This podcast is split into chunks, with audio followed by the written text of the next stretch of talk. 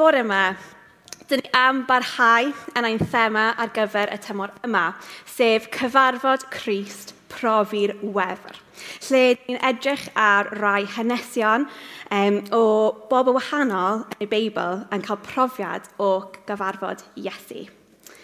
So gyda pob cyfarfod dyn ni'n cael gyda rhywun, dyn ni gorfod dewis ym pa ffordd dyn ni am ymateb iddyn nhw. Weithiau, dyn ni'n cyfarfod y pobl sydd ddim quite our cup of tea, um, a felly dyn ni'n neud y penderfyniad yna um, i geisio i ysgoi y gorau y gallwn. Um, dewch yn onest, dyn ni gyd wedi gwneud.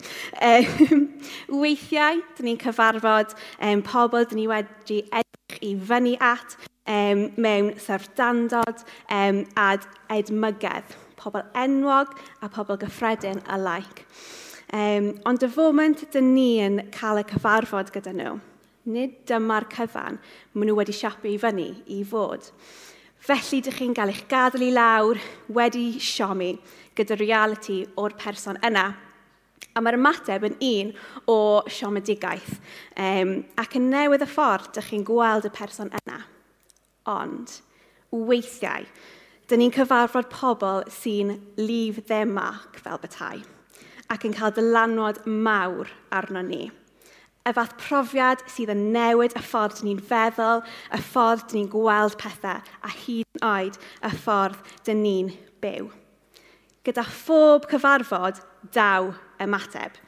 Hes, hes. Hesbys? Neu anhesbys i ni. Daw ymateb. Ond hefyd fan hyn, mae'n bwysig gofio i um, beidio ymateb yn gallu bod yn ymateb ei hun. So heddi, dyn ni am droi at gyfarfod arall, y thrawon, y deml. So, dyn ni'n ffindio'r hanes yma ar diwedd lyc 2. A dyn ni'n ffindio fe yn adnod 41 ymlaen. Felly, byddai rhieni Iesu yn arfer mynd i Jerusalem i ddathlu goel y pasg bob blwyddyn. A phan oedd Iesu yn ddeuddeg oed, aethon nhw yna i'r oel fel arfer – pan oedd yr ail drosodd, dyma'i rhieni yn troi am adre, heb sylweddoli fod Iesu wedi aros yn Jerusalem. Roedden nhw wedi teithio droi'r dydd gan gymryd yn ganiataol ei fod gyda'i ffrindiau yn rhywle. Dyma nhw'n mynd ati i edrych amdano ymhlith ei ffrindiau a'i perthnasau, ond methu dod o hyd iddo. Felly, dyma nhw'n mynd yn ôl i Jerusalem i edrych amdano. Roedd hi'r trydydd diwernod cyn iddyn nhw dod o hyd iddo roedd wedi bod yn y deml, yn eistedd gyda'r athrawon ac yn gwrando arnyn nhw ac yn gofyn cwestiynau. Roedd pawb welodd e yn rhyfeddu gymaint roedd yn ei ddeall. Cafodd ei rieni y fath sioc pan ddeithon nhw o hyd iddo, a dyma'i fam yn gofyn iddo, Mach i ni, pa mae ti wedi gwneud hyn i ni? Mae dy dad a fi wedi bod yn poeni'n ofnadau ac yn chwilio am bob man amdano ti. Gyfynodd Iesu iddyn nhw. Pam roedd rhaid i chi chwilio? wnaethoch chi ddim meddwl y byddwn ni'n siŵr o fod yn hif yn had, ond rhieni ddim wir yn deall beth roedd yn ei olygu. Darn bach yw e, ddim yn hir, um, ond weithiau mae'n gallu cael edrych drosto. Ond dwi'n hoffi fe um, am resymau gwahanol, a dwi ddim jyst yn dweud hynna achos dwi'n progethu arno fe. um, pan dwi'n darllen trwyddo fe, dwi'n darllen gyda dau safpwynt gwahanol. Yr un gyntaf, ydy fod yn plentyn bach fy hun.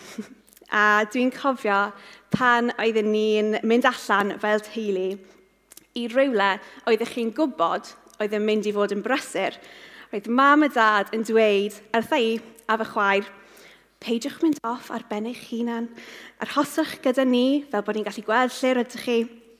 Hannah, ti'n gallu cael gafal llaw fi, a dy chwaer yn gallu cael gafal ar llaw dy dad wnaethon ni clywed hyn gymaint ac am reswm da, rhaid dweud, um, roeddwn ni'n onest o hyd yn oed edrych i ffyrdd o wrth mam a dad, let alone actually mynd off ar ben ein hunan. Um, hyd yn oed pan oeddwn ni digon, digon hun i wneud hynna. um, felly ffaith bod Iesu wedi gadael ei rhieni i fi yn brave decision yr oed yna. Ond hefyd, Dwi wedi bod yn esgidiau o athrawon, a dwi'n gwybod bore yma dwi o flaen lot o'r athrawon. Um, a weithiau mae fe'n gallu teimlo bod chi yn rhiant i 30 o plant i gyd ar yr un amser. um, a dwi'n siŵr yr athrawon yma bore yma um, yn gallu cytuno unieithu gyda fi. Taw, mynd ar trips ysgol di un o'r profiadau mwyaf stressful yn y byd. Dwi'n cofio un doleg um, mynd am trip i'r cinema i weld Frozen 2. Amazing, more excited. Ond, i ddweud y gwir, o'n i ddim yn gallu joio a actually goeliodd ffilm. Oherwydd, o'n i'n poeni mae plant troi'r amser. mynd nôl ac ymlaen i'r tŷ bach, eisiau diod, eisiau snac. Beth oedd hi'n dal yn y tŷ bach pan oedd hi'n mynd nôl ar y bysiau? sawl oedd yn fy grwpi eto, neu poi hyd yn oed. Um, math beth. So, dwi'n gallu gweld rhywfaint o sawl pwynt mae'r Joseph. Ond y reswm arall dwi'n hoffi'r hanes yma ydy hyn. Dyma'r unig hanes sydd gyda ni am Iesu fel plentyn. Yn yr efengelau eraill, dyn ni'n mynd o Iesu fel babi i Iesu yn dechrau ei weinidogaeth 30 oed. Ond yr hanes yma, dyn ni'n gweld Iesu fel plentyn 12 oed. Na dwi'n siŵr wnaeth Iesu lot fawr o pethau anhygoel ac yn unisgoel ydd dyfu fyny, well worth ei nodi. Ond dyma'r unig un sydd wedi cael ei nodi.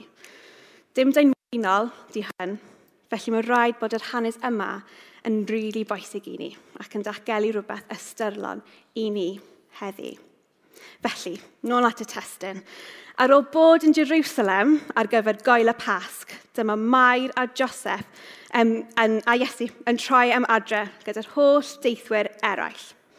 Ymplith y torfeydd o bobl yn teithio, roedd yn dealladau, doedd Mair a Joseph ddim gyda llygaid ar Iesu troi'r amser. Ond ar ôl diwrnod o deithio, dyma nhw'n mynd ati i edrych amdano ymplith eu ffrindiau a'i perthnasau, ond methu dod o hyd iddo. O dia. Ar wahân i fy mbrofiad i o tripau ysgol, lle boi sy'n gwneud dweud, dwi rioed wedi colli plentyn, um, di ddim yn gallu dychmygu dim byd gwaith. Neu fel oedd nhw'n teimlo yn gwybod bod Iesu ddim gyda nhw a dim syniad lle roedd e. Felly, be wnaeth nhw wedyn? Wel, dyn ni'n gweld, dyma nhw'n mynd yn ôl i Jerusalem i edrych amdano. So dyma nhw'n mynd ati i chwilio amdano. A dim jyst iau. Na. Erbyn hyn, mae tri diwrnod ei basio ers gweld Iesu diwethaf. So ble dyn nhw'n ffindio fe? ble mae wedi bod yr holl amser, yr holl tri dywernod yma.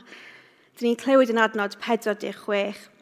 Roedd wedi bod yn y deml, yn eistedd gyda'r athrawon, ac yn gwrando arnyn nhw, ac yn gofyn cwestiynau y ffordd dwi'n gweld y sîn yma yn chwarae allan yn fy mewn ydy bach fel Home Alone style, lle mae'r rhieni mor distrot ar ôl tri diwrnod o chwilio ar holl pryder sy'n dod gyda colli plentyn.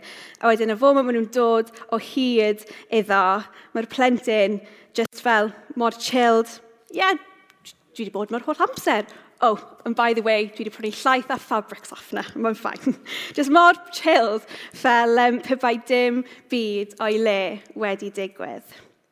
Ond dyma fe, Iesu yn y deml gyda'r athrawon am dri dywernod, yn gwrando arnyn nhw ac yn gofyn cwestiynau.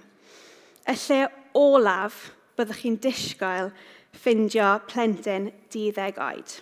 Yn gwneud y peth olaf byddwch chi'n disgwyl i weld plentyn deuddeg oed yn gwneud. Hynny yw plentyn cyffredin. Plentyn fel oeddech chi ac oeddwn ni.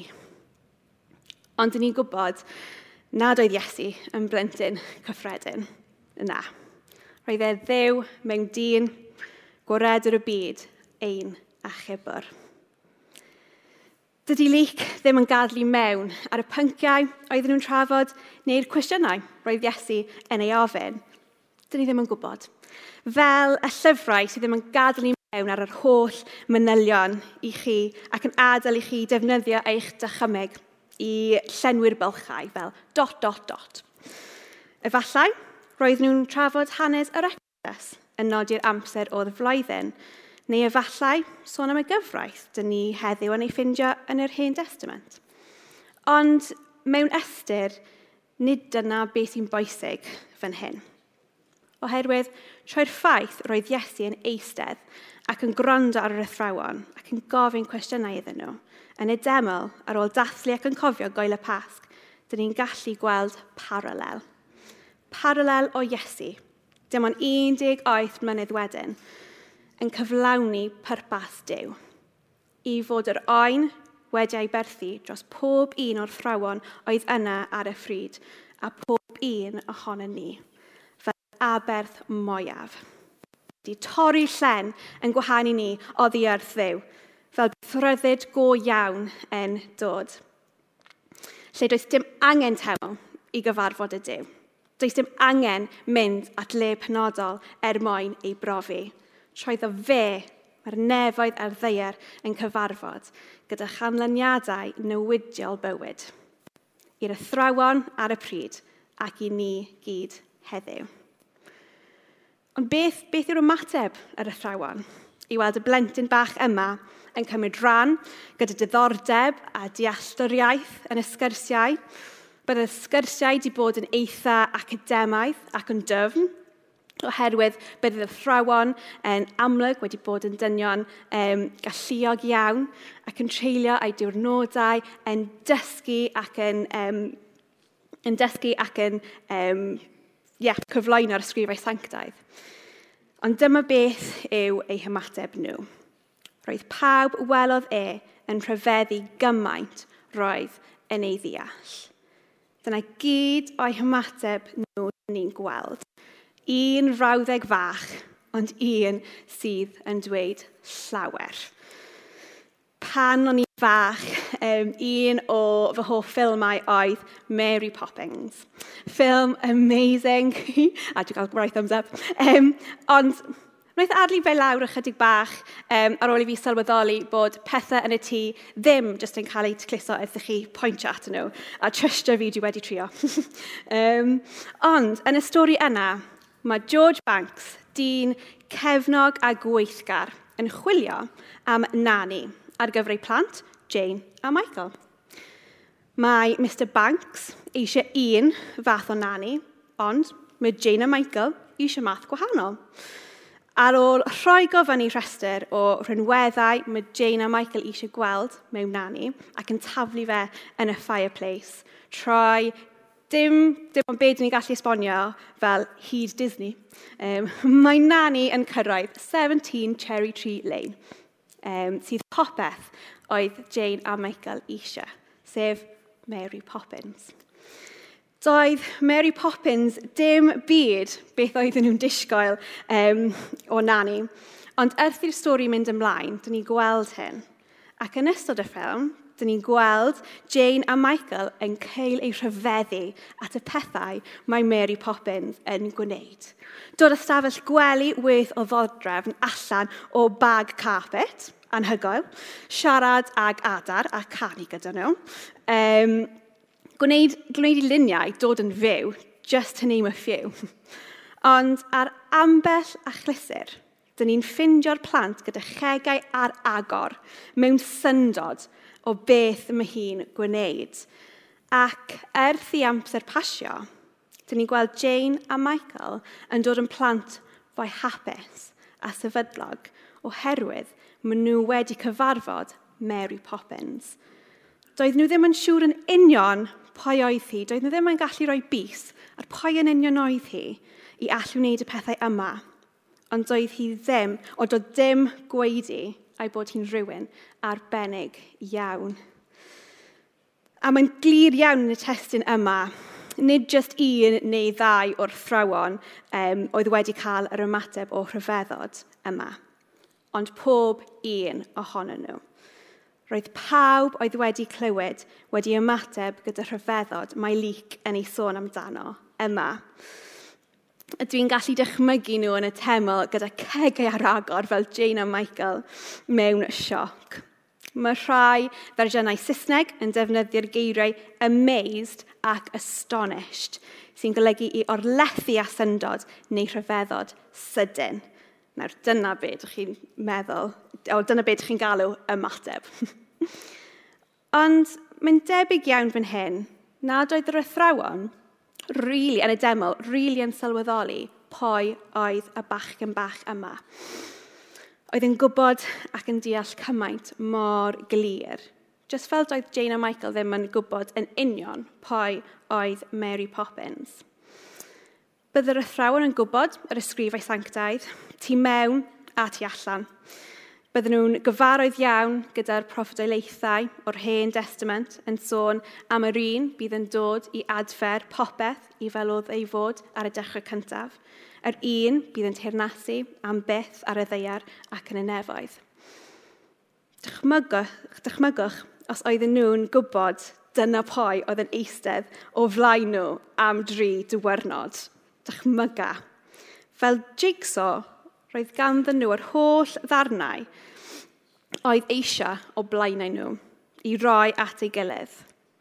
Ond hyd yn oed heb sylwi yn y foment yna, pwy oedd y flan nhw, jyst y presenoldeb o'r bachgen yma wedi llenwi nhw gyda rhyfeddod a syndod.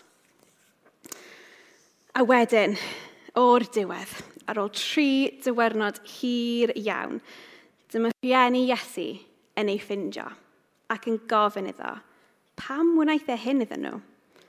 Ac ydy Iesu gyda'r cwestiwn yma. Pam roedd rhaid i chi chwilio? Wnaethoch chi ddim meddwl y byddwn ni'n siŵr o fod yn hi fy nhad, ond doedd ei rhieni ddim wir yn deall beth roedd yn ei olygu. Hyd yn oed Mair a Joseph, y rhieni oedd wedi ei ddewis gan ddew, y rhieni oedd yn gwybod o'r dechrau cyntaf pwy yn union oedd ei mab, pwy oedd yn mynd i fod, a pobl oedd ar yr adeg yn nabod Iesu y gorau, ddim yn ddeall, wedi anghofio ar ôl tri diwrnod blinedig o chwilio pam deith Iesu i'r byd. Efallai heddiw, mae Iesu yn teimlo ar goll i rai ohonyn ni roedd golwg ni arno fe yn glir iawn, ond dyn ni wedi colli'r golwg yna. Dyn ni wedi gadael i bethau eraill i mynd yn y ffordd ac yn pellhau ni o wrtho fe. Efallai prysurdeb bywyd yw e. Rhwng gwaith, edrych ar ôl plant, cario allan ein hymroemiadau, yr holl zooms hyd yn oed. Mae Iesu wedi symud i'r cefn o'r crowd yna ddim quite yn gallu ei weld. Neu efallai rhywbeth dwi wedi bod yn eog o wneud yn bendant ar y degau ydy ddim jyst gadael i bethau mynd yn y ffordd, ond gadw i bobl mynd yn y ffordd, ac yn benodol fi fy hun. Canolbwyntio ar me, myself and I. Um, be dwi eisiau be dwi eisiau cael allan o hwn, fel mae pobl yn edrych arna i. Ac wedyn, mae Iesu yn mynd yn bellach a ddiarth fy ngolwg gyda pob un. Weithiau, dyn ni'n gallu gwneud yr un peth, ond gyda pobl eraill, fel bod nhw di rai gyda'n golwg yn lloer yn lle Iesu. Efallai taw pechod di'r peth sy'n gwahanu ni o ddiedd Dyw bod ni'n teimlo fel dyn ni wedi pechu gormod, bod ni ddim yn gallu dod at Dyw, bod hynny'n gwahanu ni wrtho fe. Roedd gwefr gynnon ni o na bod Iesu yn agos ar un adeg, ond oherwydd dyn ni wedi colli ein golwg arno fe, dyn ni wedi colli'r gwefr yna. Efallai heddiw, dyn ni fel yr athrawon, lle dyn ni'n rhyfeddu at y person yma sydd wedi aberthu ei hun ar ein cyfer ni, i ni fyw bywyd llawn dyfodol a gobaith. Dyn ni gyda'r danau o'r jigso i gyd yn barod, ond pam mae'n dod i roi e gyd at ei gilydd, dyn ni ddim cwweit yn gwybod beth i'w wneud gyda nhw. Neu hyd yn oed, dyn ni'n ofnus o'r, um, o'r result pan dyn ni'n wneud hynna a ofnus o gweld y llun mawr. Efallai bod y darnau yna yn jyst darnau o wybodaeth um, a dim profiadau. Fel yr athrawon, wybodaeth yn ei pennau ni a dim yn profiadau yn ein colonnau ni. Wedi darllen a chlywed yr henesion o Iesu, ond ddim yn golygu unrhyw beth mwy na hynna. Henesion. Does dim byd real iddo. Does dim ysbryd o wefr oherwydd mae'r gwybodaeth dal yn ein pennau a ddim wedi dod yn brofiad trawsffurfiol yn ein colonnau yn bywyd. Ond efallai heddiw, dyn ni fel Mair a Joseph, lle dyn ni wedi anghofio ac angen cael ein atgoffa o'r boi ydy'r Iesu yma. Dyn ni'n gallu cyfarfod a chael ein rhyfeddu unwaith eto ganddo fe neu efallai mae gennym ni rhyw um, preconceptions o Iesu a Chrysnogaeth, a dyn ni angen colli fe. Dyn ni angen colli ein syniadau ni ein hunan er mwyn ffindio'r Iesu go iawn a ffindio Christ. Yr Iesu sydd ddim yn rhyw syniad neu stori neis i glywed amser doleg, ond y Iesu sydd yn fyw heddi, sydd eisiau ni nabod fe yn personol yn real yn ein bywydau, fod bod ni'n gallu byw llawn llywenydd a gwefr. Wel, mae newyddion da gyda ni heddi. A dyma fe. Pa bynnag sefyllfa dyn ni ynddo, yn wahanol i Mair a Joseph, does dim rhaid ni chwilio am tri dywernod ar gyfer ffindio'r ateb, ffindio Iesu a dod i'r lle i brofi'r llywenydd ar gwefer yma. Mae Iesu'n gofyn pam roedd rhaid i chi chwilio. Mae'n dweud dwi yma. Dwi yma am barod i rhyfeddu chi unwaith eto neu efallai am y tro gyntaf gyda'r gwirioneddau o boi ydw i. Y mab dew, deith i'r byd fel oen y pasg, i gael fy arberthu dros chi gyd, pob un ohonych chi, unwaith ac am byth. Doedd e ddim yn gamgymeriad aeth Iesu ar goll am dri diwernod. Mewn ychydig o flynyddoedd, bydd y a dilynwyr Iesu wedi golli e eto am dri diwernod. Ond yn meddwl ei bod nhw wedi golli e yma, tro yma, am byth, ar ôl ei gladdu yn y bydd. Ond yn wneud e aros a goll? Na, dim o gwbl rheswm dwi yma heddi, ar ôl tri dywernod deithau nôl yn fyw. Buddigol ieithus wedi concro marwolaeth byth i fod ar goll i ni eto, gyda breichiau ar led yn dweud tyrt, dyma fi. Felly, heddi, dewch i ni ymateb iddo. Dewch i ni roi yn golwg nôl arno fe falle nôl neu falle am y tro gyntaf. Dewch i ni dod o flaen yn y difeirol am yr amseroedd lle dyn ni ddim wedi cael ein goleg arno fe, ac yn gofyn yn hyderus am brofiad o rhyfeddod yr athrawon, fel bod ni wir yn gallu bod yn pobl sy'n llawn gorfoledd a gwefr Dyw. Felly, dyn ni am treulio bach o amser mewn um, gweddi, Dwi am ofyn i'r band di ddod fyny. Um, a dwi eisiau ni just tawelu ein hunan um, i fyfyrio ar beth dyn ni wedi clywed bod yma a cael yr amser a cyfle i ymateb iddo. Efallai bod un o'r circumstances dyn ni wedi clywed bod yma wedi taro chi'n personol um, a dyn gallu gweld eich hunan ynddyn nhw. Wedi gadael pethau eraill um, yn y ffordd, falle gyda'r darnau gyd, ond dim yn, um, yn gwybod beth i wneud gyda nhw, gyda'r holl gwybodaeth, ond ddim y profiadau, gyda'r preconceptions, mae rhaid i ni cael gwared ohonyn nhw. Angen cael yn atgoffa am pwy ydy'r Iesu anhygoel yma. So dyma'r amser naw i ni droi at Dyw a roi'n golwg nôl arno fe gan gofio'r geiriau dyn ni'n gweld yn Matthew 7. Daliwch ati i ofyn, a byddwch yn ei gael. Chwiliwch a byddwch yn dod o hyd iddo. Curwch ar y drws, a bydd yn cael ei agor. Mae pawb sy'n gofyn yn derbyn. Pawb sy'n chwilio yn cael. Ac mae'r drws yn cael ei agor i bawb sydd yn giro. Dewch i ni sgwyddio gyda'n gilydd.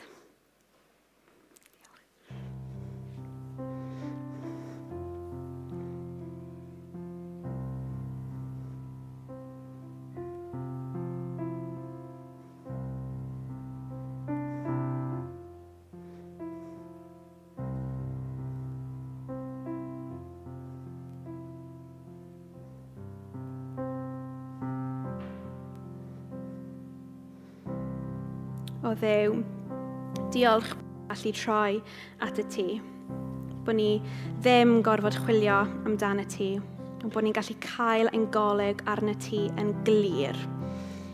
I rhai ohonyn ni sydd wedi gadlu bethau a phobl eraill yn dod yn y ffordd o'n golyg arno ti, dyn ni'n sori. Helpa ni cael gwared ohonyn nhw gyd a roi'n ffocws nôl arno ti i rai ohonon ni bore yma sy'n teimlo bod ganddyn nhw llawer o wybodaeth sydd ddim wir yn golygu unrhyw beth. Dyn ni'n gofyn i ti drwy'r gwybodaeth yna mewn i rhywbeth real a byw yn ein bwydau. I rhai sydd yn stryglo gyda misconceptions, dyn ni'n gofyn i ti torri troedden nhw, fel bod ni'n gallu profi'r wefr sydd yn dod o dynabod di'n iawn am boi o'i ti.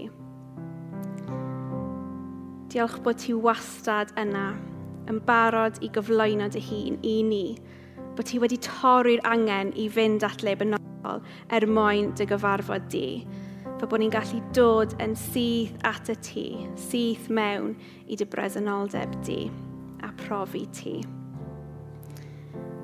Diolch am y wahoddiad i ni bore yma, allan i ni, o tyrd at yr allor mae breichiau tad yn awr ar led. Amen.